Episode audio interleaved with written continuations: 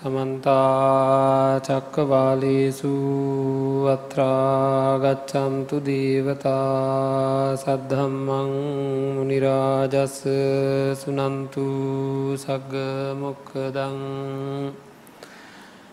ධම්ම සවන කාලු අයං භදන්තා ධම්ම සවන කාලු අයං භදන්තා ධම්මස්සවන කාලු අයං භදන්තා සාධූ සාධූ සාධූ නමෝතස්ස භගවතු වරහතු සම්මා සම්බුද්ධස්ස නමෝතස්ස භගවතු වරහතු සම්මා සම්බුද්ධස්ස නමෝතස්ස භගවතු වරහතු සම්මා සම්බුද්ධස්ස සාධූ සාධූ සාධූ ඉතිකෝ චුන්ද දේසිතෝ මයා සල්ලේක පරියායෝ දේසිතෝ චිත්තුප්පාද පරියායෝ දේසිතෝ පරික්කමන පරියායෝ දේසිතෝ පරිභාග පරියායෝ දේසිතෝ පරිනිබ්භාන පරියායෝති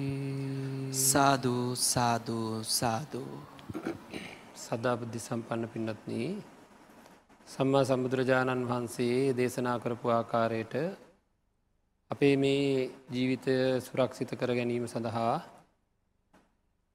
තමන්ගේ මනසිකාරය නිවැරදි කර ගැනීම සඳහා අපේ සිත සකස් කර ගැනීමේ වැඩ පිළිවෙල තේරුම් ගණ්ඩෝනෑ අපේ සිත තේරුම් ගණ්ඩෝනෑ සිතේ සිතුවිලි ඇතිවෙන ආකාරය තේරුම් ගණ්ඩෝනෑ ඒවා නැති කිරීම තේරුම් ගණ්ඩෝනෑ නැති කරන ක්‍රමවේදය තේරුම් ගණ්ඩෝනෑ එතකොට ත්‍රිපිටක ධර්මයට අනුව අපි කරුණු විමසල බලනකොට අපිට ඉතාම හොඳට කිසිීම අඩුවක් නැතුව අපේ සිත්වල තියෙන පීඩාකාරී තත්ත්වයන් ඇතිවෙන සිතේම නැගෙන අකුසල සිතුවිලි සම්පූර්ණයෙන් අයිංකරගණ්ඩ කරණ්ඩ ඕන දේ මොකක්ද කියලා ඉතාම පැහැදිලිව සඳහන් කරලා තියෙනවා. එකින් අපිට ලොකු විශ්වාසයක් ඇතුව ධර්මය හදාරන්ඩ පුළුවන්කම තියෙනවා. ඒ රාමුවෙන් ඔබ්බට යෑමට අවශ්‍යතාවයක් ඇතිවෙන්නෙත් නැහැ. කරන කියන දේ අපි පිළියතක් විදිහට කරන කියන දේ ඒ ආකාරයටම කරද්දී දැනගෙනම ඒ ආකාරයට දේශනා කල තින ආකාරයට සිද්ධ කරන කෙනෙකුට ඒක දැනගෙනම කරන්න පුළුවන්කමත් තියෙන මේ දේ කරොත් මෙන්න මේ දේ වෙනවා මේ දේකරොත් මේ දේ වෙනවා කියලා.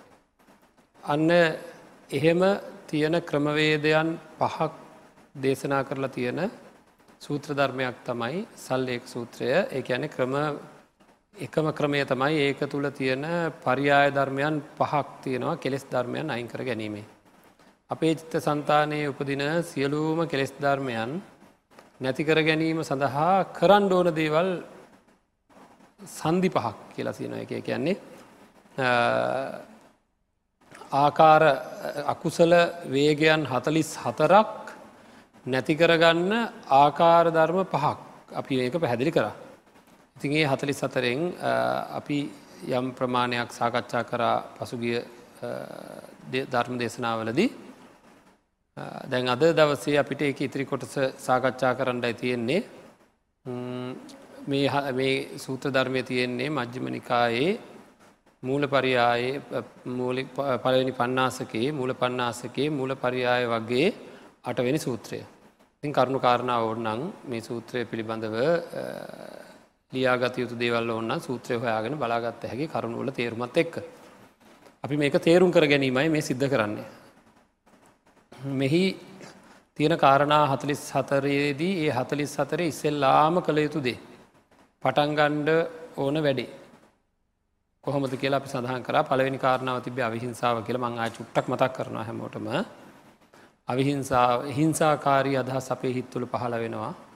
එතකොට ඒ හිංසාකාරී අදහස නැතිකර ගැනීම සඳහා භාවිතා කරන ඊට ප්‍රතිවිරුද්ධ අපේ හිත තුළින්ම නැගිය යුතු හැඟීම තමයි අවිහිංසාව.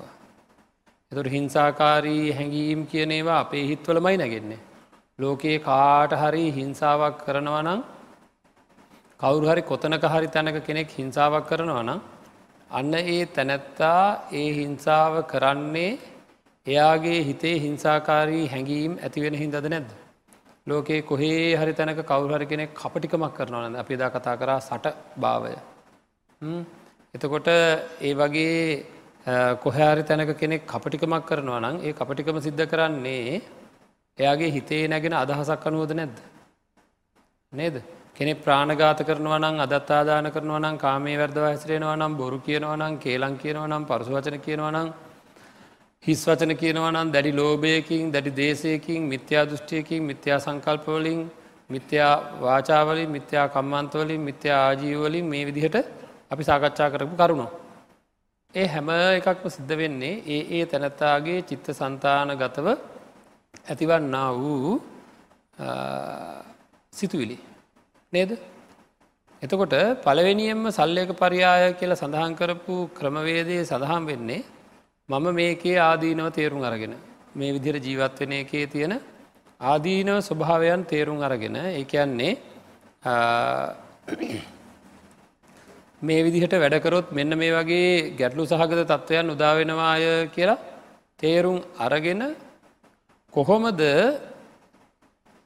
අන් අය අන්න අය මේ වගේ වැරදි කරාට අපි නං එහෙම කරන්න නෑ කියලා දැඩි අධිෂ්ඨානයෙන් යුක්තව මම සාන්තව වාසය කරන කෙනෙක් වෙනවා කියලා කෙලෙස් අයින් කරන වැඩ පිළිවෙල ආරම්භ කරන්නේ අන්න එහෙමයි. ඒ වැඩ පිළිවෙල පින්වන්නේ අයින් කරලා දෙවනි වැඩ පිළිවෙල චිත්තුප්පාද පරියායේදී මේක අයින් වෙන මේ ක්‍රමේ මේ පටන්ගත්ත වැඩි නවතිනවා නෙමේ. මේක හරියට කණ්ඩායමක් එකතු වෙලා වැඩක් කරනකොට ඒ හැම කෙනෙක්ගෙම කෘතියක් වෙනවන. නේද. එතකොට හිංසාව වෙනුවට අවිහිංසාවයි භාවිතා කරන්නේ. ඊර්ෂාව වෙනුවට මුදිතාවයි භාවිතා කරන්නේ. අපේ හිතේම දැන් අද සාකච්ඡා කරන තින් දෙවනුත් මේ කට තේරෙයි ඒ අපේ හිත දිහා බලල අපේ හිතේ දැනට ක්‍රියාත්මක වෙන වැරදි සිතුවිල්ල මොකක්ද කියලා බලලා ඒ වෙනුවට නිවැරදි සිතුවිල්ල ඇතිකරගෙන ඒක ප්‍රබල කරගෙන. ඇතිකරගෙන විතරක් මදි. ඒක ප්‍රබල කරගණ්ඩුවන එක හොඳට වර්ධනය කරගණ්ඩුවනේ වර්ධනය කරගෙන ඊළඟට ඒක තුළින් තම අපි දැන් අවිහිංසාව කියන හිංසාකාරී අදහස කියන එක ආය අපේ හිත තුළ කවදාක්වත් නොනැගෙන මට්ටම දක්වා. අය අය අය හිංසාකාරී අදහස් මාත්‍රයක්වත් ඇති නොවන සුළු. තත්වට පතල එකන ඇති වෙන්නේ නැති ස්වභාවයට පත් වුණා.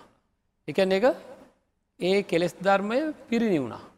ඒ කෙස් ධර්මය මගේ තුළ ආය කවදාකවත් ඇති නොවෙන ඇති නොවෙන තත්වටම පත් වනා. අන්න ඒ තත්වට පත්වෙන තුරුම භාවිතා වෙන්නේ අර කෙලෙස් ධර්මයට ප්‍රතිවරුද්ධ කුසලයයි. ඒකන්නේ අවිහිංසාකාරී අදහසට ප්‍රතිවරුද්ධ අවිහිංසාව කියන එක වර්ධනය කරගෙන ගිහාම අවිහිංසාවම තමයි ආකාර පහකින් තමන්ගේ හිතේ ක්‍රියාත්මක භාවයට ඇවිල්ලා අවසානයේදී හිංසාකාරී අදහස මරලදානවා කිමුකබ. අපේ හිතේ හිංසාකාරී අදහස මරලදාන තුරුම ක්‍රියාත්මක වෙන්නේ අන්න එක හරියට මං මේක පැහැදිලි කරන්නම් මෙන්න මෙහෙම මේ විසගෝර සර්පයක්කින්න සැරින් සැරි දෂ්ට කරන. මෙයාව මං කොහමරි කුදරලා අල්ලගන්නවා. අල්ලගන්න බෙල්ලේ තැන්ගේරමට දෂ්ට කරන්න බෑ. දැමට අතාර ඉන්නත් බෑ. හරි මංමොකත කරන්න? ඒ හානිය නැති කරගන්න මෙයා වතුරය භාගෙනන්නවා ගිල්ලා. හරි දැම්බාන්ඩ අල්ලා ගැනීම සිද්ධ වෙන්ඩෝන ඒ අල්ලා ගැනීම සර්පයා මැරණකම් වතුරය බල උඩට අරගෙන බලනවා. එක කරන්න කියලා නෙේ ගැන ප්‍රාණගාතය ම මේ උදාහරණයක් විතරයි. හරිද? එතකොට මේ ව්‍යසනයෙන් බේරෙන්ට කරන වැඩේදී අල්ලා ගත්තා කියලකක් තියෙනවන. සර්පයා හඳුනා ගැනීම. සර්පයා හඳුනා ගැනීම අල්ලගතර පස් ඉවරෙනවද නෑ ඒක එතනින් වෙන කෘතියක් සර්පයා අල්ලාගෙන අතේ තියාගෙන අතින් අල්ලගත්තනම් දෂ්ට කරන්න බැරිවිදිර අල්ලගත්තා. දැන් සර්පයා මරාදමන තුරු මේ අල්ලා ගැනීම කියන එක තියෙනවද නැද්ද? තියෙනවා. නේද? ඉලාට සර්පයා වතුර යොබාගෙන ඉන්න ඒක තමයි මං පාවිච්චි කරන ක්‍රමේ ප්‍රඥාවෙන් කරන්න එක මේ ඔබාගනිටොත් මැරෙනවා කියලා. ආගේ ප්‍රඥාව මේකට යෙදීම මේ වැඩ ඉවරණකම තියෙන්ට ඕනද නැද්ද? පරික්ෂා කරලා බැලිම තියෙන්ට ඕනද නැද්ද? මේ වගේ කාරණා බොහොමයක් තියෙන්ට ඕනේ. වගේ අවිහිංස හිංසාව කියන ප්‍රාණඝාතය කියන අදත්තාදානය කියන ගිජුකම කියන කෑදරකම කියන අපි සඳහන් කරපු ඒ ඒ කාරණා මර්ලදාන තුරුම අධිෂ්ඨානය තියෙන් ඕනද නැද්ද. නේද උත්පාදනය කරපු කුසල ධර්මය ඒ විදිහටම තියෙන් ඕනද නැද්ද. ආංගේ විදිහට සන්ධි පහක් තියෙනවා ඒ පහ ගැන අපි පසු සාකච්ඡා කරනවා මේ කාරණාටික කතා කරලා ඉවර වෙලා. එතකොට අපි එදා දවසේ සාකච්ඡා කරා තදගතිය එවගේම අනතිමානී ස්වභාවය තදගතිය වෙනුවට ඒ සැහැල්ලු ගති පැවතුම් තියෙන්ට ඕන කියන එකත් අතිමානී ස්වභාවය වෙනුවට අනතිමානී ස්වභාවය අතිමානී ස්වභාවය ගැන අපිත පොඩ්ඩක් සාකච්ඡා කරම අතිමානී ස්වභාවගැන් තමන්ගේ තුළ තියෙන ගුණයන්වලට වැඩිය තමන්ට ලොකු මාන්නක්කාර ස්වභාවයක් ඇතිවෙනවා. ධර්මය තුළත් මෙවැනි මාන්නක්කාර ස්වභාවයක් ඇතින දැ මේ සූත්‍ර දේශනාවේ මුලදිම අපි කතා කරා අර ප්‍රථම අධ්‍යාන ති අධ්‍යහන් නේම සංඥා සංඥායතනය දක්වාම කොටස සල්ලේකය නෙවේ කියලා සල්ලේ කියන කෙලෙස් කැපීම කියන එකයි. එතකොට බුදුරජාණන් වන්සේ දේශනා කරන ඒවා සල්ලේක නෙවේ කියලා.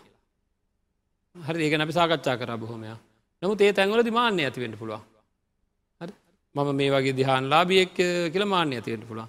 එහෙම මාන්‍යයක් හැබැයි සාමාන්‍ය ඉතා පුතක් ජන කෙනෙකුට ධර්මය ගැන දන්න ඇති කෙනෙකුට ධර්මමානයක් ඇතිවෙන්නෙත් නෑ. හරි ධර්මමාන්‍යය ඇතිවෙන්නෙම කාටද සෝවාන් පලස්ත පුද්ගලයාටත් ඒ නොයෙකු දෘෂ්ටි හින්දා ඇතිවෙන මාන්‍යයක් ඇතිවෙන්නේ නෑ. අද වැරදි දෘෂ්ටීන් හින්දා ආත්මීය වසේ මාන්‍යයක් ඇතිවෙන්න. හරි ඒවගේම ඒ දෙපැත්තේ ඉන්න අය අර ඉතා පෘතක් දන ස්වභාවය විතරක් නෙවෙයි පලස්ත ස්වභාවයත් නෙවෙයි මාර්ගස්ත ස්වභාවත් නෙවෙයි සෝවාන් එතකොට අන්න ඒ අතර ඉන්න අයට මේ මාන්‍ය හරියට ධර්ම මාන්‍ය ධර්ම පැත්තිෙන් ඇතිවෙන මාන්‍ය ඇතිවෙනවා මං මේ වගේ දන්න කෙනෙක්ක මං මේ වගේ කෙනෙක් මේ වගේ කෙනෙක් කියලා හරියට. ඉතිං ඒ වගේ නැතු ඒ වගේම තමයි නොයෙකුත් සාමාන්‍ය ජීවිතවලත් වෙනත් වෙනත් කාරණ අරභයා තමන් කරන රැකියාව අනුව තමන් ඉන්න ගෙවල් අනුව තමන් අදින ඇඳුම් අනුව තමන්ගේ පැලැන්තිය නේද? සීයලාච්චිලාගේ දං පැවතගෙන එන දේවල් ජාතිය මේ වගේ බොහෝ දේවල් හින්ද පින්නත්න්නේ මේ ලෝකයේ ඉපදිච්ච අපි මේ ලෝකයේ ඉපදිච්ච අපි මේ ලෝකයේ යම් කිසි මම කියන හැඟීමකින් ජීවත්වෙනවා මේ ලොකු මමත්වයකින් ජීවත්වෙන හැම කෙනෙක් මං අහනවා හැම කෙනෙකුටම මම මෙහෙමයි කියලා අදහසත්ති නොද නැද මම කියලා කියනට අදහසත්ති නොනේ ඔය මට වෙන දේම ඒ පෙරදත් පැහදිලි කර ආය පැහදිලි කරන්න ඕනෑ.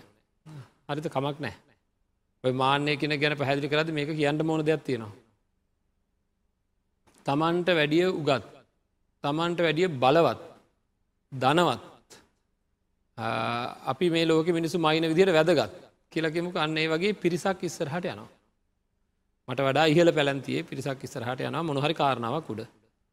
මම කොහොම දෙතකොට මම කියන කෙනගේ තත්වය කොහොම දෙතුර කොහොම දින්න නික. නද පැත්තකට වෙලා ඇකිලිලා වගේ ගෞරවයෙන් හරි පරිස්සමෙන් නේද වැඩිය කතා නෑ. ආම් මම කියන එක්කෙනාව පොඩ්ඩක් අර මඟ හැමදාම කියන්නේ මේ මේ අර ගින්දරට අහුවච ගුගල් පිහට වගේ ඉන්න එතකොටන හැකිලිලා ඉන්න. නේද? බලන් එතකොට මමට මොක දුණේ කියලා. මම බොහොම පල්ලහැට වැටන දෙතින් ඊළඟට දුබල අපිට වැඩිය හැම පැත්තෙම යම් කිසි ආකාරයක දුර්වල ස්වභාවයක් තියෙන මිල මුදල් පැත්තෙන් ධනවත් පැත්තෙන් බලවත් පැත්තෙන් හැම පැත්තෙම දුරල ස්වභාව ඇත්වෙන පිරිසක් ළඟට යනවා. එහෙම පිරිසක් ඉස්සරහට යන්න වුණා දැන් කොහොද මම? මගේ ඇවිදීමත් වෙනස් වෙලා කතාකිරීමත් වෙනස් වෙලා හැම එකක්ම වෙනස් වෙලා මහාමුතු කෙනෙක් වෙලා. අර බලන්ටක මමට වෙනදේ හදිසිය නේද? දැන් තේරෙනවද? මේ මම කියලා හිතාගෙන ඉන්න සංකල්පනාව ඇැවිලේ වෙනස් වෙනවා කියලා. නේද? අන්න බලන්න මේ ලෝකේ මේ වටේ පිටේ තියෙන දේවල් වලින් තමයි මේ වටේ පිටේ තියෙන දේවල් වලින් තමයි මේ මම කියන එක අපි හදාගෙන අපිට හැදිලා තියෙන එක සංකල්පයක්. ඒක හැම වෙලේම උඩ පල්ලෙහා යනවා නේද? ඔහොම එකක් එක්ක නේද ජීවත් වෙන්නේ? ඉලට දැන්ගුන් තව හැමදා මහනකත්තින එකත් දැන් කල්පනා කරන්න මොකද මේ කල්පනා කල තියාගන්නඩුවන මොකද එතකොට විදර්ශනා කරලා මේ අයිංකර ගණ්ඩ ඕන දෙයක් කියලා අපිට පැදිලිවෙන පින්නත්න එකද මේ මතක තියාගන්න ඕන. අපි හැමෝම මම කියලා හිතාගෙනන්න විදිහත් තියෙනවා නේද? මම මේ වගේ කියලා. මං මේ වගේ කියලා හැබෝට අදහසත් තියෙනවා නේද? ඒ අදහසට සර්ව සම්පූර්ණවම ඒ අදහසට සර්ව සම්පූර්ණ සමානව. මං ගැන හිතාගෙන ඉන්න මේ ලෝකයේ තව කවුරු හරි ඉන්නවාද? කෙටියෙන් කියන මට මාව දැනෙන විදිහටම මාව දැනෙන වෙන කෙනෙක් ඉන්නවද මේ ලෝකේ? මට මං ගැන තියෙන අදහසත්තින මංකිවහ මට තියෙන අදහසක් යසේ මාව දැනෙනවා මට. නේද? ආං ඒ වගේම මං ගැන දැනෙන මං ගැන මට දැනෙනවාගේම දැන තව කවුහර එක්කෙ කරමේ ලෝක ඉන්නවා කියලා කියන්න පුළන්ද බෑ. එහෙනම් මං ගැන මට දැනෙන විදිහ කාට විතරයිද. මට විතරයි. මැරණකං මේ මගේ කියල මම හදාගත්ත ලෝකෙ මම කියලා ප්‍රතිරූපකයක් මට හැදිල ප්‍රතිරූපයක් හැදිලා සංකල්පයක් හැදිලා ඒ සංකල්පය තුළ මම තනියම ජීවත්වෙන. නද මම මෙහම මෙහම කියලා නිදාගට ගහන් ම මෙහෙමයි කියලා හිතන්නේ. මමට වෙච් අසාධාරණ ගැන හිතනවා. ඉතින් අන්නේ සමහර කට්ටියට පින්නත් නේ වුණට මං අහන මේ මෙහෙම. මේ ලෝකයේ මගේ චරිතය අනුව ජීවත්වෙන විදිහානුව තියෙන හැකියාවන් අනුව ඇත්තටම වෙතන සකස් වෙන සකස්වීමට අනිත් අයත් එක සංසන්ධනාත්මකව වැටිය යුතු තැනත් තියෙනවද නැද්ද. අපිතම දුන්හි දැල්ල කිව හම තවත් ඇල්ලක් එක ගත්ත හම ඒවා ජීවීයෙක් නොවනට ඒකට යම් කිසි ප්‍රමාණයක් තියෙනවා. ඒද හැඩයක් තියෙනවා. ලස්සනක් තියෙනවා. කලාත්මක බවත් තියෙනවා. ඒක සංසන්ධනාත්මකයි. පැහැදිලිවම අපි අපේ තියෙන හැකියාවන් අපේ මේ සන්තතීන් ක්‍රියාත්මක වෙන අතීත කාරණා හින්දා මෙතන හැදෙන යමක් තියෙනවනම් ඒ හැදෙන දේ ලෝකයේ ඇත්තටම පෙළගැස්සුවත් වැටන තැනත් තියෙනවද නැද. මොනොහරි කාරණාවක් හින්දා මෙන්න මේ තත්වය කියලා තැනකට වැටෙනවා. ධර්මාබෝධය මෙම වෙන්ඩ පුළුවන් ඒහැම එකින්ම. ඇත්තටම එතනමද මංගින්නේ. මට මාව දැනෙන්නේ ඇත්තම තත්ත්වයද. නෑ සමහර අයට තමන්ගේ තරමට වඩා වැඩි දෙයක් තමන්ට තියෙනවාය කියලා තමන්ගේ තත්ත්වය ලෝකයේ තියෙන්නේ බොහම දැන් අර කියන්න අපි නිකන් කටකතාවට කියන්නේද. අප්පු යානිකන් ජීවත්තෙන් එංගලන්ත මහරජන කියලා හිතාගෙන. අන් එයා හිතාගෙන ඉන්න එහෙමයි. නේද. එහෙම අය දැනනවද නැද්ද අපිට අර කියන්නේ මොකක්ද මේ කොරන්ට දැන්න ඇතිම කැත කතාන කියන බණ කියන්න ගහ ගෙම්බ පිම්බවාගේ කියන්නේ ගෙම්බා මොකද කරන්නේ?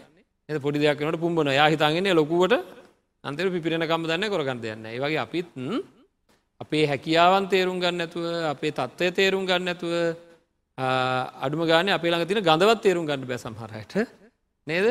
හිතන්නේ මේ ශරීරයේ ඉතාමත්ම ඉහළ තැනක තියෙන අන්න අයට ලොකු අවධානයක් යොම වෙන ශරීරයක් කියල හිතාගෙන වැරදි අවබෝධලින් ජීවත්වෙනවා. ආගේ විදිර තම තමන්ට ඇතුලාන්ත වැරදීමක් එක්ක පින්වත්න්නේ මාන්‍යය හැදෙනවා. හරිද? ආගේ මාන්‍යය හැදෙන ඇත්තෝ හැදෙනවා කියලා මන් දැනගෙන මොකද කරන්න ඕන පළවෙනි ක්‍රමවේදය තමයි මම මාන්‍යයෙන් තොරව ජීවත් වෙනවා මම පල්ලෙහාට වෙල්ල සැරියුත් හාමුදුරුව වගේ ජීවත් වෙනවා. හරිද මම පල්ලෙහාට වැටලා ජීවත් වෙනවා. මොකද මාන්‍යය කියන්නේ කෙලෙස් ධර්මයක් බොහෝ ලෝබදේශමෝහ ඇති වෙන දෙයක් කියලා දැනගෙන මම මේකෙන් අතමිදිලා ජීවත් වෙනවාය කියලා පළවෙනියෙන් අපි සිහියෙන් වීරයෙන් අධිෂ්ඨානයෙන් හරිද තමන්ගේ ඇතුලාන්ත හයියකින් මේක ආරම්භ කරනවා. එයාතුළ ජීවත්වෙන නිහතමානයම තමයි. නමුත් මෙතැනති භාවිතා කරපු පරියාය නිහතමානී සිතුවිල්ල ඉපදිලා නෙවෙයිමේ. හරි නිහතමාලී සිතුවිල්ල කියන්න ඊළඟ කාරණාව. කුසල උත්පාද පරියාය කුසලේ උත්පාදනය කරගන්න. ඒ ගැන එතකොට අර අතිමානී අදහස් වෙනකොට නිහතමානී අදහස වෙනුවට නිහතමානී අදහස එන්ඩ පටන් ගන්නවා. නමුත් නිහතමානී බවම තමයි මෙතනති ප්‍රදර්ශනය වනේ නමුත් මේකට මේ විදිහට ජීවත්වයෙන්ට හේතුවන පරියායමොකක්ද කාරණාමොකක්ද මම අන්නරය අයකාට්ටය වගේ අනිත් කට්ටිය එහෙම වුණට මම එහෙම දැන් අපිට හුඟාකොය මාන්‍යය කියන කාරණාව ගත්තොත් මාන්‍යය කියනක වැඩිපුරම භාවිතා වෙද්දී වැඩිපුරම හැදෙන්නෙම මාන්‍යය තියෙන ඇයටමයි. අන්න අයගේ මාන්‍යය දැනෙන්නෙම. හරි අන්න මේක හොඳට මතක තියාගන්න ඕන. කෙනෙකුට අන්න අයගේ මාන්‍යය දැකල අන්න අයගේ අපිකම ලොකුකම කියලවකට නේද කවුර මේ මෙම කියනවා. මට ඇත්තමයි අද උදේ එපා වුණා හරිද උදේම මේ කෙනා හම්බෙලාල් කියාගෙන කියාගෙන ගිය ලොකුකං ඇද හම්බුණොත් ලොකුකමමයි කියන්නේ කියලා මට රිදිලා. ලොකුකම කියනකොට රිදෙන්නේ ඇයි. වෙන කෙනෙක් ලොකුකං කියනකොට අපිට රිදෙන්නේ ඇයි. විදර්ශනා කරන අපි හොඳට තේරුම් ගණ්ඩුවන මේවා. ලොකුකම කියනකොට මට රිදෙන්නේ මගේ මොකක්කින්දද. මගේ ලොකුකම හින්දා. හරිද. ලොකුකම මට දැනෙන්නේ මගේ ලොකුකම හින්දා. හරිද ලොකුකම මට දැනෙන්නේ මගේ තියෙන ලොකුකම හින්දා. එතකොට අන්න අයගේ මාන්‍යය මට දැනෙන්නේ මගේ තියෙන මාන්නකාර ස්වභාවය හින්දා. ඉතින් ඒක හින්දා අපි අන්න එහෙම තමන් අදුර ගණ්ඩෝන. මම මාන්‍යයෙන් තොරෝ ජීවත්වෙනවා මන් නිහතමානීව ජීවත්වෙනවා. අන් අයගේ අන් අය මාන්‍යයෙන් ජීවත් වන දෙෙන් මාන්නයේ තියෙන ආදීනව මම දන්නවා. මාන්නයෙන් අයින්වීමේ තියෙන ආනිසන්සේ දන්නවා. බලන්ඩ පල්ලෙහාට ගලන වතුර කොච්චර උඩින් අරන්තියන්ට හැදුවත් පල්ලෙහාටම ගලනවා. නේද? ඒ වගේ අපි මේ අන්න අය මේ ලෝකෙ කොච්චරනම් පිරිස් ඉන්නවද නේද. මේ පිරිස් අතර ඉස්මතු වෙවී ඉස්මතු වෙවී ඉස්මතු වෙවී එකතු වෙන එකතු වෙන කණ්ඩායන් ඉස්සරහක් කැපිලපේන්ඩ එක ඒක විදිහට පෙන්නන්ඩ උත්සාහ කරා කියලා පින්නත්න උත්සාහ කරා කියලා ඉවරක් වෙනවාද. එදයා හරි තරගක ඉන්නේ එයා හරි අපහසුවෙන් ඉන්නේ. ඔන්න දැම් පාරක යනවා. වාහනයක් කෙලවා යනවා කියන්නම. ඉස්සරහ යන වාහන දෙකක් දෙක හිතන මේක ඉස්සර කරගන්න ඕනි කියලා. කොහොම හරි කරලා මහන්සේලා ඉස්සර කරගන්න. හරි. ඉතින් යනකොට ඊළාට මොකද ඒකට ඉස්සර කරා කියලා තව ඊට ඉස්සරහින් තව වාහන තියෙනවා. ඊට ඉස්සරියෙන් තව වාහන තියෙනවා. නේද? තව වාහන තියෙනවා. ඉතින් මේක ඉවරක් කරගන්න පුළුවන්ද? නෑ. ඉතින් හරි වෙහෙසකාරීව දකින දකිනකට ඉස්සර කරන්න ඕනෑ කියලා යන කෙනාට වැඩිය පුළුවන් වුණොත් ඉස්සර කරන ඒ කියන්නේ මම යන ගමන යද්දී ඉස්සර වෙන හරියක් ඉස්සර වෙයි ගමනාන්තය දක්වා සහනෙන් යන්න පුළුවන්. අරව දකිට දකිට දකිට දකිට ඒවා අභිභවායන්ඩුන අභිභවායන්ඩුන අභිභවායන්ඩුනෑ කියලා මේ සිතුවිල්ලෙන් ගමනාන්තයට යන කෙනාද? එහෙම නැතුව මම යනකොට මට බාධාවෙන ඒවා ඉදි ඉස්සර කරගෙන හිමින් යනේවා ඉස්සර කරගෙන. මේ ඉස්සර කරත් මට ප්‍රශ්නයන්නෑ නොකරත් ප්‍රශ්නයන්නෑ මගේ අරමුණුමකක්ද මගේ ගමනයෑම ආං එහෙම යන කෙනාද නැත්තන් ඉස්සලකිව විදියට යන කෙනාද? සහනින් ඉන්නේ. දෙවනි එක්කෙන සහනින් ඉන්නවා. ඒවගේ අන් අයව පසුකිරීමේ අදහසින් අපි සාමාන්‍ය පෘතක්ජන පුද්ගලයා අන්න අයව අභිභවායාව අන්න අයව පසුකිරීම කියන අදහසින් ලොකු උත්සාහයකින්නවා මේ ජීවිතේ. ඒකට හේතුවම එයාගේ මාන්නය හින්දමයි. ඉතින් ඒකද තේරෙනවද මම එහෙම නැතුව. පල්ලෙහාට ගලන ජලපහරක් වගේ මම සුවදායකව ජීවත්වෙනවා කියලා ඉතා සූදායක ජීවත් වෙනවා කියලා හැම්බිලේ මධිෂ්ඨානයෙන් බුදුරජාණන් වහන්සේ දේශනා කරපු ආකාරයට කටයුතු කරනවාය කියලා අපි කටයුතු කර ගණ්ඩ ඕනේ. ඒක තමයි හැම වෙලේම අපි හික්මෙන්ඩ ඕන විදිහ පින්වත්න අන්න එහෙමයි ඒ විදිහට අපි හික්මෙන්ඩ ඕනේ. ඊළඟට ඉලා කාරණාතම සුවච භාවය. අපේ හිත ඉතාමත්ම කීකරු සෝජ භාවය ගැන කීකරු. හුඟාක් අය කීකරු නෑ. අවවාදයට කීකරුන බුදුරජාන් වන්සේ අවවාදයට කීකරු නෑ. එයාලගේ ඇතුලාන්තයෙන් මේක ඇතුළේ උපදින සිතුවිල්ලක්. හරි මේක මේ බාහිරට පේනෙත් මේකම තමයි. දැන් රාවුල හාමුදුරුවන්ගේ ස්වභාවය තමයි අපි අහල තියෙනවන උදෑසන ගල්ලහවුරක් කරම් උඩරදානවා කියලකිව නේද? එතකොට ඒ වගේ අවවාද ලැබෙන්ඩෝන කියලා. අපි දන්න අපේ දරුව ඉන්නවා සමහරය යමක් කියන්ඩත් කලින් කීකර ස්වභාවය පෙන්න්නනවා නේද. හරි නැමිච්ච හරීම දරදඩු නැති ඔවු එකඟ වෙන සුළු ඔවුමන් මෙහෙම කරනවා මෙහෙම කරනවා මෙහෙම කරනවා කියලා. ඒ විදිහට කියන දේ තුළ ඉතා මුෘදුව ඇතුලාන්ත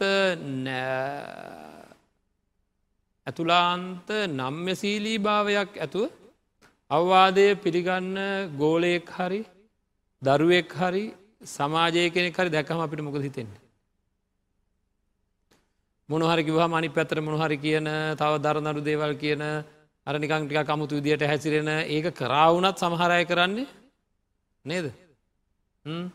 දැන් හිත්වල තියෙන ස්වභාවය බලන්ට පින්නත්න ඊය පෙරෙද මේ සමාජයේ තිබ්බ ලොකු ප්‍රශ්නයක් ඉවරුණා හරිද? එතකොට ඒ කියන්නේ මේ ඔය වෛද්‍ය විද්‍යාල පිළිබඳ තියෙන ප්‍රශ්නයක් ඔන්න ඉවරුණා. ඉති මාත් බලාගනිට මේ ඉවරුණ හම මොකද දෙපාර්ශවය කට්ටියගේ ස්වභාවයන් කියලා. නේද? බලන්ඩ අපි කොච්චර පහලට වැටෙනවද කියලා. එක එක පාර්ශවයන් ඉදිරිපත් කරන ප්‍රකාශ. හරිද? ඒවා බලපුහාම හිත්වල තියෙන සුවච ගතිය නැතිකම හොඳට පේනවා. තියෙන මොකද මේක තරගයක් කරගෙන මේක රට පිළිබඳ ගතයුතු තීරණයක්. අපි හැමදාම් පුරදුුවෙන් ඕන රට ගැන තීරණයක් ගත්තට පස්සේ ඔක්කොමල එකතු වෙලා නේද ඔක්කොමලා එකතු වෙලා ඒකට ඔළුව නමලා කටයුතු කරන්න එකතු වෙලා තීරණයක් ගත්තන.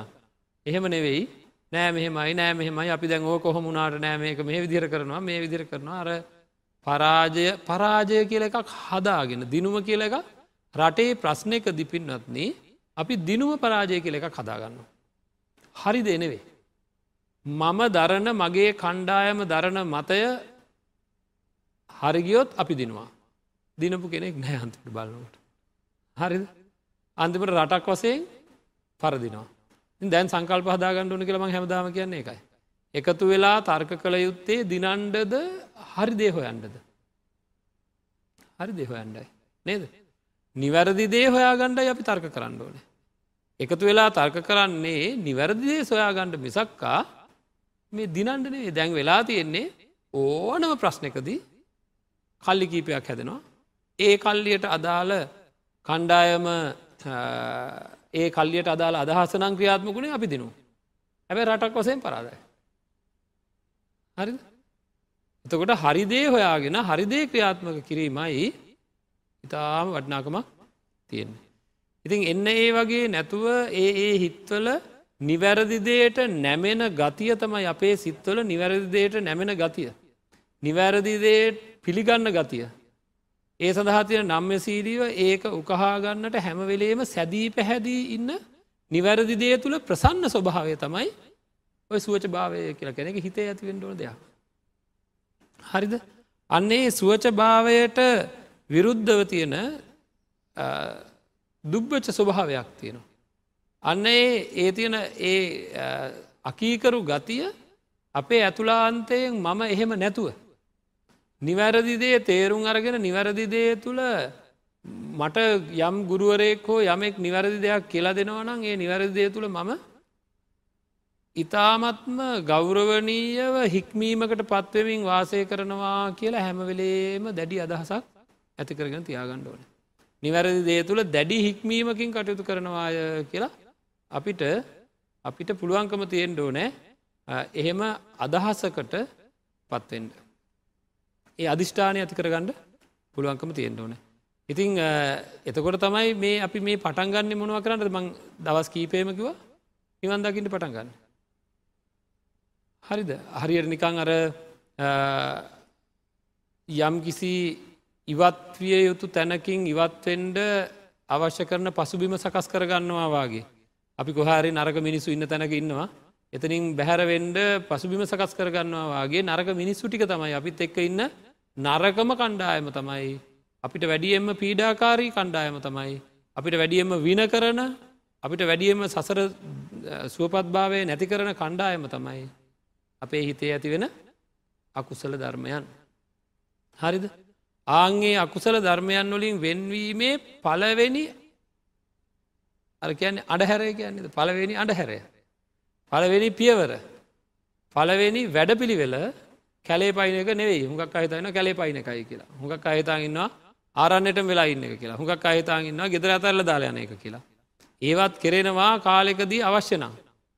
ඊට මෙහා තමන්ට මානසිකව කළ යුතු වැඩ පිළිවෙලක් තියෙනවා. ආගේ මානසිකව සිද්ධ කළ යුතු වැඩ පිළිවෙලයි මේ පටන් ගන්නේ මම සුවචව ජීවත් වෙනවා. කුමකටද කියන කියන එකට සුවචව කියලා කියන්නේ කවුරරවෙල්ල නරක වැඩක් කරනික මහාරි අරයක කරම කියලා සුවචවන එක නිවැරදි දේ තුළ නිවැරදි දේට නැමෙන ගතිය නිවැරදි දේ හඳුනාගෙන ඒකට තියෙන දරදඩු නොවෙන ස්වභාවය. සුවච ගතිය. තින් අන්නේ සුවච ගතිය ඇති අන් අය මේ විදිහට දුබ්බචව වාසය කරපු දෙ. අන්න අය සුවච නැතුව අකීකරව වාසය කරපු දෙෙන් ආංහෙම හික්වෙන්නේ.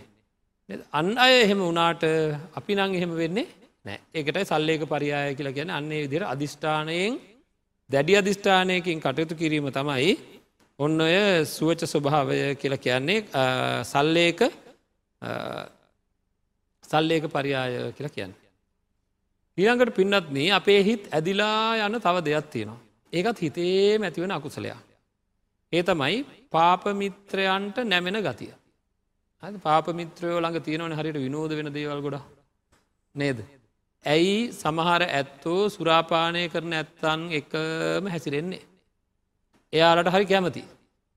සුරාපානයේ නුගුණ කියන අයට ගෙදරෙන වන්න සුරාපානය නවත්තන්ට කියලා යාල දැක්කම් මගැල්ලනවා. හරි එතකොට සමහර අය හොන්දට එකතු වෙලා හරිබැරි ගැහිලා ඉඳගෙන අල්ලාප සල්ලාපේ එදෙන්ට පුළුවන් අය ගෙදරෙනවා නම් හරි කැමති එන්නකොට මෑතින් දැකල අප ඒ කාලෙකින් දැක්කේ එන්ඩ එන්ඩ කියලා නේද. ඉන්දෝගෙන තේදීලා ඔක්කොම කරලා ඉතින් කියන්නටක විස්තරේ කියලා පටන් ගන්නවා. හැබැයි ධර්මයක් හරි වටිනා දෙයක් හරි තමන්ට තමන්ට අනුන්ට යහපතක් වෙන දෙයක් හැම්බිලේම කතා කරන දැක්කහ රුස්සාන්නේ නෑ ඒ කට්ටිය. හරිද ඒවා කොහෙද ඇතිවෙන් ඒ ඒවගේ ස්තුවිලි කොහෙද ඇතිවෙන්නේ. අපි ළඟමයි. ඒ පැත්තට ඇදිලා යන අපිට පරිහානියක්ද තියෙන්නේ නැත්තන් තියෙන්නේ දියුණුවක්ද. පරිහානියක්. තොට ඒවැනි සිතුවිලි අපේ හිත තුළ ඇතිවෙනවා වගේම එවැනි සිතුවිලි ඇතිවෙන් නැති ඇත්තින්නවා. හැම්ම වෙලේම මොනයම් හෝ ආකාරයකින්. මම සුරාපානයට ලොල් වෙලා තියෙන්නේ. මම අහවල් අහවල් වැරදිවලට ලොල් වෙලා තියෙන්නේ. එහෙම නං මම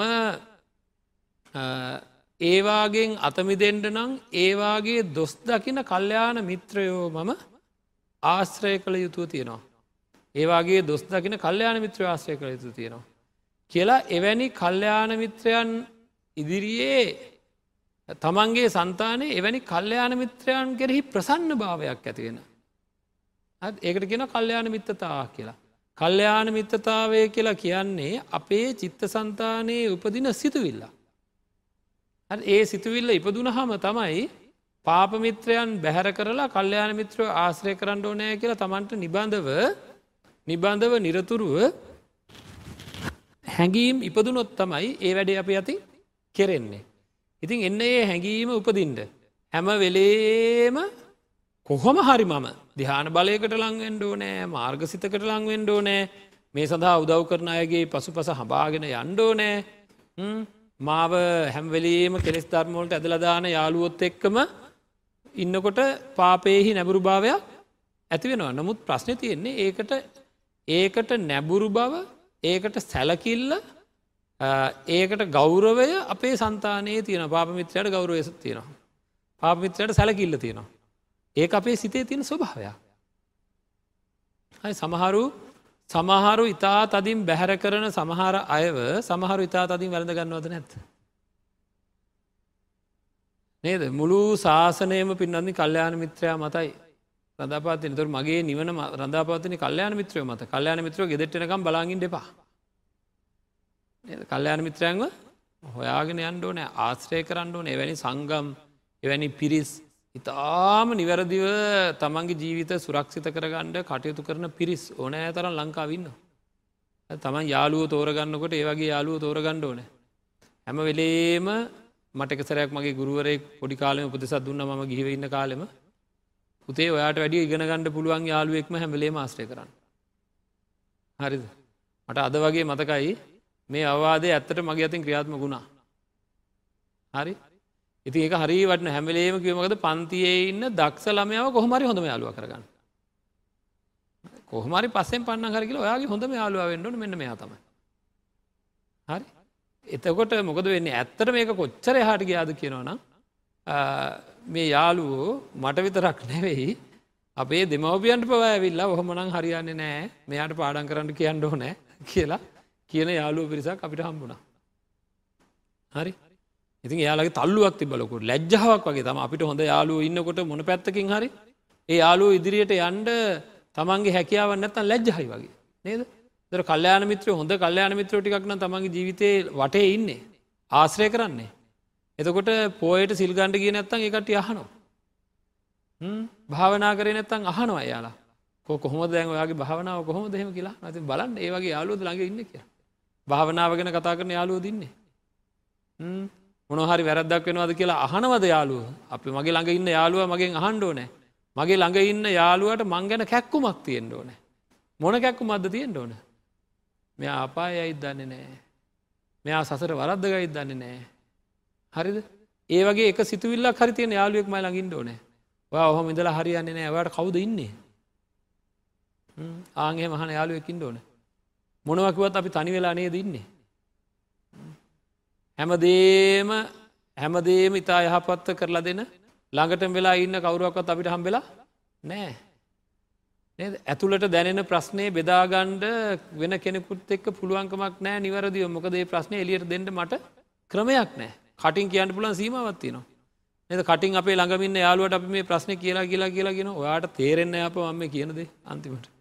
එයා දෙන උත්තරේ අපිට ගැලපෙන්නේ නැති වෙනවා. එනම් ඔක්කෝම් ප්‍රශ්න ටිකට උත්තර හොයාගණ්ඩ වෙන කොහොමද? තනියම. නේද? තනියම ජීවත් වෙලා තනියම අපා අන්ඩුවෙන් අන්තිමට වරද්දගත්තු. අම්මටත් බෑ තාතරත් බෑ සහෝදරයන්ටත් බෑ අදාගත ගෙදෙට්ටත් බෑ බැංකුව තියෙන සල්ලිවලටත් බෑ. නේද බලයටත් බෑ ධනයටත් බෑ තමන් කරගෙන යන අපේ සංසාරික ජීවිතය තීරණය කරන්න. ඒක තීරණය කරන්නේ මගේ චරිතය අනුවයි. මගේ චරිතය නිවැරදි වෙන්න අපේ පින්නත්න ළඟමින්න යාළුවගේ ස්වභාවෙන් එයා හරියට කල්්‍යයාන මිත්‍රය හැම වෙලේම අපේ සසර සුවපත් කරන්න අවශ්‍ය කරන හැම්මදේම හොයල බලලා කියන්නේ කල්්‍යයාන මිත්‍රයලන් කරුණාව මෛත්‍රය තියෙන හින්දා. ඒකින්ද බලහත්කාරයෙන් හරි කල්්‍යයාන මිත්‍ර ටිකක් හොයාගන්න. ළඟට වෙලා ඉන්න යාළුවාදයා හැරිලා හරියටම බලන්ඩ. එය ප්‍රතික්ෂේප කරන්න යන්න පවා නිවැරදි කරන්න ලැස්තිවෙන්ට. හරිද ළඟව ඉන්න යාළුවා මදිනං මට කියනවා නිවන් දකිින් ඕන කියලා කියනවා මදිනම්. සසර බය ගැන කියනවා මදිනම්. භාවනාවට නැබුරු කරනවා මදිනම්. ඒ ගැන ඇගිල්ලෙන් ඇල්ල කියනවා මදිනම්. වහාම විකල්පයක් හොයාගත යුතුයි. හරි බලහත්කාරෙන් හරි හොයන්ට ඔයාගන්න පුළන් ක්‍රමති නො හොඳ තැන්වලට යන්ඩ හොඳ සිල් භාවනා වැඩසරන් වගේ තැන් කෙරන තැන්වලට බලහත්කාරය යන්ට යනකොට ඔන්න ළඟළඟ ඉන්න අය ටිකට හිතවත් වෙනවා. හරි හිතවත් වෙනකොට තේරෙයි ඒ අයගෙන් කොච්චර ප්‍රයෝජනයක් ලැබෙනවද කියලා. ඒක විතරන්නේ තමනුත් කල්්‍යයාන මිත්‍ර දුර්ලභ කල්්‍යයාන මිත්‍ර ශාසනයේ කල්්‍යයාන මිත්‍රත්වය සුලභ කරගණ්ඩ නං අපිත් හැම කෙනෙක්ම කල්්‍යයාන මිත්‍රයෙක් විදියට කටයුතු කරන්න නති ඒහින්ද මූලිකව මම කල්්‍යයාන මිත්‍ර සම්පත්තිය ගරුකොට වාසය කරන කෙනෙක් බවට පත්වෙනවා කියලා අධිෂ්ඨානයක් ඇති කර ගණ්ඩෝන. ඇත කල්්‍යයාන මිත්‍රත්වය ගරුකොට වාසය කරන කෙනෙක් වෙනවා කියලා හැම වෙලේම හිතෙන් අදහසක් ඇති කර ගණ්ඩ ඕන. ඒ ඇති කරගන්න අදහස තමයි අපේ ජීවිතය ඉතාම නිවැරදි තත්වකට පත් කරන්න. ති ඒක හින්දා හැම මොහෝතකම හැම මොහොතකම අපේ ජීවිතය සුරක්ෂිත කරගණ්ඩ හිතේ නැගෙන සිතුවිල්ල ගැන ලොකු අදහසකින් කටයුතු කරන්න ඕනය. හොඳයි. ඊළඟ කාරණාව තමයි අප්‍රමාදී බව. ප්‍රමාදී බව කියලා කියන්නේ හැම වෙලේම කෙලෙස් අයිංකරන්ඩ තමන්ගේ සන්තානය සන්තානයෙන් ඇතිවන හැඟීම හැමවෙලේම කල්දාන ගතියත්තියෙන්. හැම්වෙලේම කල්දානවා. මොනවාහරි දෙයක් ගැන කෙලෙස් ධර්මයක් උපදවා ගැනීම සඳහා අපේ ඇතුලාන්ත හැඟීමක් ඇතිකරගත යුතුව තියෙනවා හැම වෙලේම. අපි උදාහරණයක් විතරම හැමදාම ගැන කෑමක් කියන්නකු. කෑම ගැන්න තියෙන ආසාාව අයින් කරන්න ඕනෑ ගිජුකම කෑදරකම අයින් කරන්න ඕනෑ කියල මොකර වැඩ පිළිවෙලක්ෙන් පටන්ගරන් තියෙන දන්න වෙනකොට. කොච්චර කෑවත් දැන්? නොකාපු දෙයක් එහෙමතියේ ආය මගේ හිත ඉල්ලන්න මොනවාද? කාපු දෙවල්ම ආය කණ්ඩ කියලා ඉල්ලනවා ආය තව සැරයක් කෑව කියන්නු ආය මොක දැ වැඩේ ආඉල්ලනවා. එහෙනම් කෑමනං ඔහෙ තිබ්බාවේ කොහෙද වෙනස් කරන්න ඕන. සිතයි වෙනස් කරන්න ඕන. මං මේකට කියන විදිහ මතකයිද කියලා කල්පනා කරන්නකො. මොනහරි කෑමක් කණ්ඩ ඕනෑ කියලා මට හිතුණා. හිතුනට පස්සේ මම මට කණ්ඩ පුළුවන් පණහයි නම් මං හැත්ත පහක් බෙදාගත්තා. හරි ඒකල්ලා පණහක් කෑවා. ද ඉතුරු විසිපහ පිගාන තියෙනවා. දැන් ඒ ඉතිරි විසිපහ ගැන කාලා යුරවෙච්ච ගමන් දැම්මොකද වැඩි.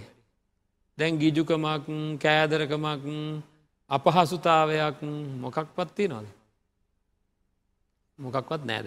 ඇයි? තියෙනවන ඉති මම මේ මේක මෙතන තිර නිකන් ඉන්න ඔහ ඒක දාලා යන යන්ට දැන්. කලින්න්න එහෙම නෑ. බලන්න දැන් අපහසුතාවයක් ගිජුකමක් කෑදරකමක් මොකක්වත් නෑ.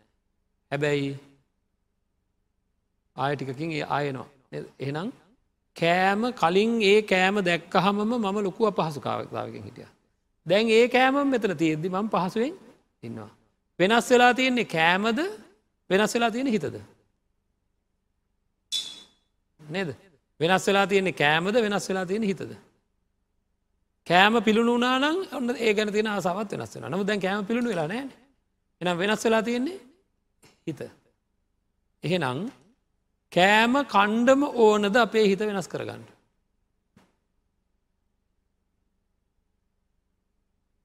කෑම කෑවට හිත වෙනස් වුනාට ඒක තාව කාලිකයි. ආය විනාඩි දහයක් පහළවක් විස්සක් තිහක් ඇතුළත ආය ඒ කෑමම අපේ හිත ඉල්ලනවා. එන ඉවරක් නෑ ඒ ක්‍රමයට වෙනස් කරන එක ඉවරක් නෑ. එන වෙනස් වියයුත්තය කොහෙද. සිතයි. හරි අන්න එතකොට තේරෙන්ඩ ඕනෑ මේ හිතේ තියෙන රූපශබ්ද ගන්ධරස ස්පර්ශ ධම්ම කියන දේවල් ඉල්ලන කෙලෙස් ධර්ම තියෙනවා. ආන්ගේ කෙලෙස් ධර්ම මේ හිත තුළ උපදින තුරුම උපදින කම්ම මට ගැලවුමක් නෑ. ආන්ගේ හිතේ ඒ කෙලෙස් ධර්ම නූපදින තත්වට පත් කර ගත්ත හම ආය මේ ලෝකෙ තියෙන දෙවල් මේ හිත ඉල්ලන්නේ නෑ නේද. අන්න ඒ තත්ත්වට අපේ හිත පත් කර ගන්නට ගැනීමයි මේ පරිනිබ්බාන පරියාය දක්වාම යන්නේ. හරි ඒ සිහිය ඒ කල්පනාව ඒ අදහස ධර්මය තුළින් පෝසනය වෙච් අපිට තියෙන්ට ඕන හැමලේම. හරි ඒ අදහස තියෙන්ට ඕන ඇපිනොත්නේ. ඒ ගැඹුරු හැඟීම ඇතිවෙන්ට ඕන මම මේ හිතේ තියෙන කෙලෙස් ධර්මය අයින් කරලා වාසය කරනවා කියලා දැඩී අදහසක් දැඩී හැඟීමක් අපිට තියෙන්ට ඕන අන්න ඒකට කියනවා අප්‍රමාදී බව කියලා. හරිද අප්‍රමාදී බව හෝ ප්‍රමාදී බව කියන්නේ කොහේ තියෙන එකක්ද. අපේ හිතේ ඇතිවෙන දෙයක් බවක් හිතා ගණ්ඩුවන. මම කොච්චර අප්‍රමාදීව කටයුතු කරලා තියෙනවද කියලා කල්පනා කරගන්නුව. ඒ කරලා අන්න අය ප්‍රමාදීව වාසය කරද හුඟාක්කාය මට මෙහෙම කියනවා. දැම්ම මොකටදානේ භාවනා කරන්න යන්නේ. ඕව දැම්ම මොවුන් නෑ තව කල් තියෙනවා. තැ මේ කාලේ එ කාල බිල නාලෑඳල ඉන්ඩුවන කාලේ ජීවිතේ ජීවිතය හොඳම කාලේ භාවනා කොල් හරියනවාද. ඕ නොහොම කියනවා. නේද. ඒ පාප මිත්‍රයා නමුත් ඒකනේ වැඩේ අන්න ඒ තත්වට පත්වෙන්නේ නැතුව අපි මොකද කරන්න ඕනෑ ඒවා බැහැර කරලා අන්න අය එහෙම වාසය කරපු දෙෙන්. අන්න එහෙම කරා කියලා මම එහෙම ඉන්න නෑ මම ලැබිච්ච මනුස්ස ජීවිතය නේද? පොල් ඇටියක් වගේ අපිත්. චූට ඒවත් වැටෙනවා මධ්‍යස්ත ඒවත් වැටෙනවා සමහරව සත්තුහානි කරලා වැටෙනවා සමහරව කුරුවල් වෙලා වැටෙනවා නේද? පැහිලා වේලිලා කරවෙලා වැටෙන්නේ බොහොම අඩුවෙන්. නේද? පැහිලා වේල්ලා කරවෙලා වැටෙන බොහොම අඩුවෙන්. හිද කොයි වෙලා වැටෙද කියලා කියන්න බෑ. ඇටි කාල වැටෙන්ටත් පුළුවන්. කුරුම්ඹ කාල වැටෙන්ටත් පුළුවන්. නේද? ඉතින් කාලටි කාල වැටෙන්ටත් පුළුවන් කොයි කාල වැටේ දන්න ඒක හින්දා අන්න එහෙම දැනගෙන ලද අවස්ථාවෙන් උපරින් ප්‍රයෝජන ගන්න මොහොතක්වත් මං ප්‍රමාධීව වාසය කරන්නේ නෑ කියලා දැඩි අධිෂ්ඨානයක් ගන්නවන අනිත් අය ප්‍රමාධීව වාසය කරාට මං එහෙම කරන්නේ නෑ අපි එහෙම කරන්නේ නෑ කියලා අධිෂ්ඨානය ඇතිකර ගණ්ඩෝන මේ නරාවලෙන් අතමිදෙන්ට. ඉතින් ඒක ඇතිකරගතට පස්සේ තමයි ඉතිරි කාරණටික සම්පූර්ණ කරගන්න පුළුවන් වෙන්න. ඉතින් ඔය විදිර තමයි මේ කාරණ හතරි සතර අපි සාකච්ඡා කරමින් ඉන්න මේ කාරණ හතරි සතර අපි හරියට දැනගත්ත හම ආය වෙනත් අකුසලයක් එතර නෑ තියෙන සියලු අකුසල් ගැන සඳහන් කරලා තියෙනවා. ඉතිං ඒකින්ද සල්ලේක පරියාය මහමුහදමෙන් ගැඹුරයි කියලා අන්තිමට දේශනාව තියෙනවා මේ සල්ලේක සූත්‍රය. ඉතින් අපිට නිවැරදිවම මේ තියෙන ත්‍රිපිටකයෙන් සියලු දේ සිද්ධ කරගන්නඩ පුළුවන් බව තේරෙන්ඩෝනෑ. ඒකින්ද ධර්මය කියලා කියන්නේ පුද පූජා විතරක් කර කරින්ට තියෙන කන්න වෙයි ඊට එහාගිය මානසික ස්වභාවය උතුම්භාවයට පත් කරන ධර්මයක් තමයි බුදුරජාන් වහන්සේගේ ධර්මය. එද මං මේ විදිහට ජීවත්වවී ඉන්නවා නෙවෙයි. මීට වැඩි එහාට ගිය උසස් මානසිකත්වයක් ඇති කරගෙන උසස් කෙනෙක් විදිර ජීවත්තෙන්ට ඕනෑය කියෙන අධිෂ්ඨානය හැම කෙනෙක් ඇති කරගණ්ඩෝනෑ නිවසේ දන් ධර්මශ්‍රවනය කරපු හැමදිනාටම ඒ ධර්මශ්‍රවනයමය අවස්ථාව ලැබෙන්නේ පින්නත්න මේ මැදිරී මේ ධර්මය ශ්‍රවණය කරන පින්වත් අයගේ දායකත්වයෙන්. ඉතින් එකින්ද මේ ඔබ අප හැම දෙනාම ජනිතුනා ළඟ ජනිතුනා වූ සියලූම පුුණ ශක්තිය මැදිරිය ධර්මශ්‍රවනය කරන ධර්ම දේශනාව සඳහා දායකත්වය ධර්පයත්තන් වෙනුවෙන් හේතු වෙලා අනුමෝදන් වෙලා ඒ අත්තන් සුගතිගාමි වේවා ඒ අත්තන්ට උතුම් නිර්වාණ සාන්තියෙන් සැනසෙන්ඩ මේ සියලු පුුණ ශක්තිය හේතුවේවා කියල ප්‍රාර්ථනා කරමු. ආකා සට්ටාච බුම්මට්ටා දේවානාගා මහිද්දිකා පුഞ්ඥන්තන් අනුමෝදිත්වා. චිරංරක්කං තුසාසනං චිරංරක්කං තුදේශනං චිරංරක්කං තුමං පරංතිී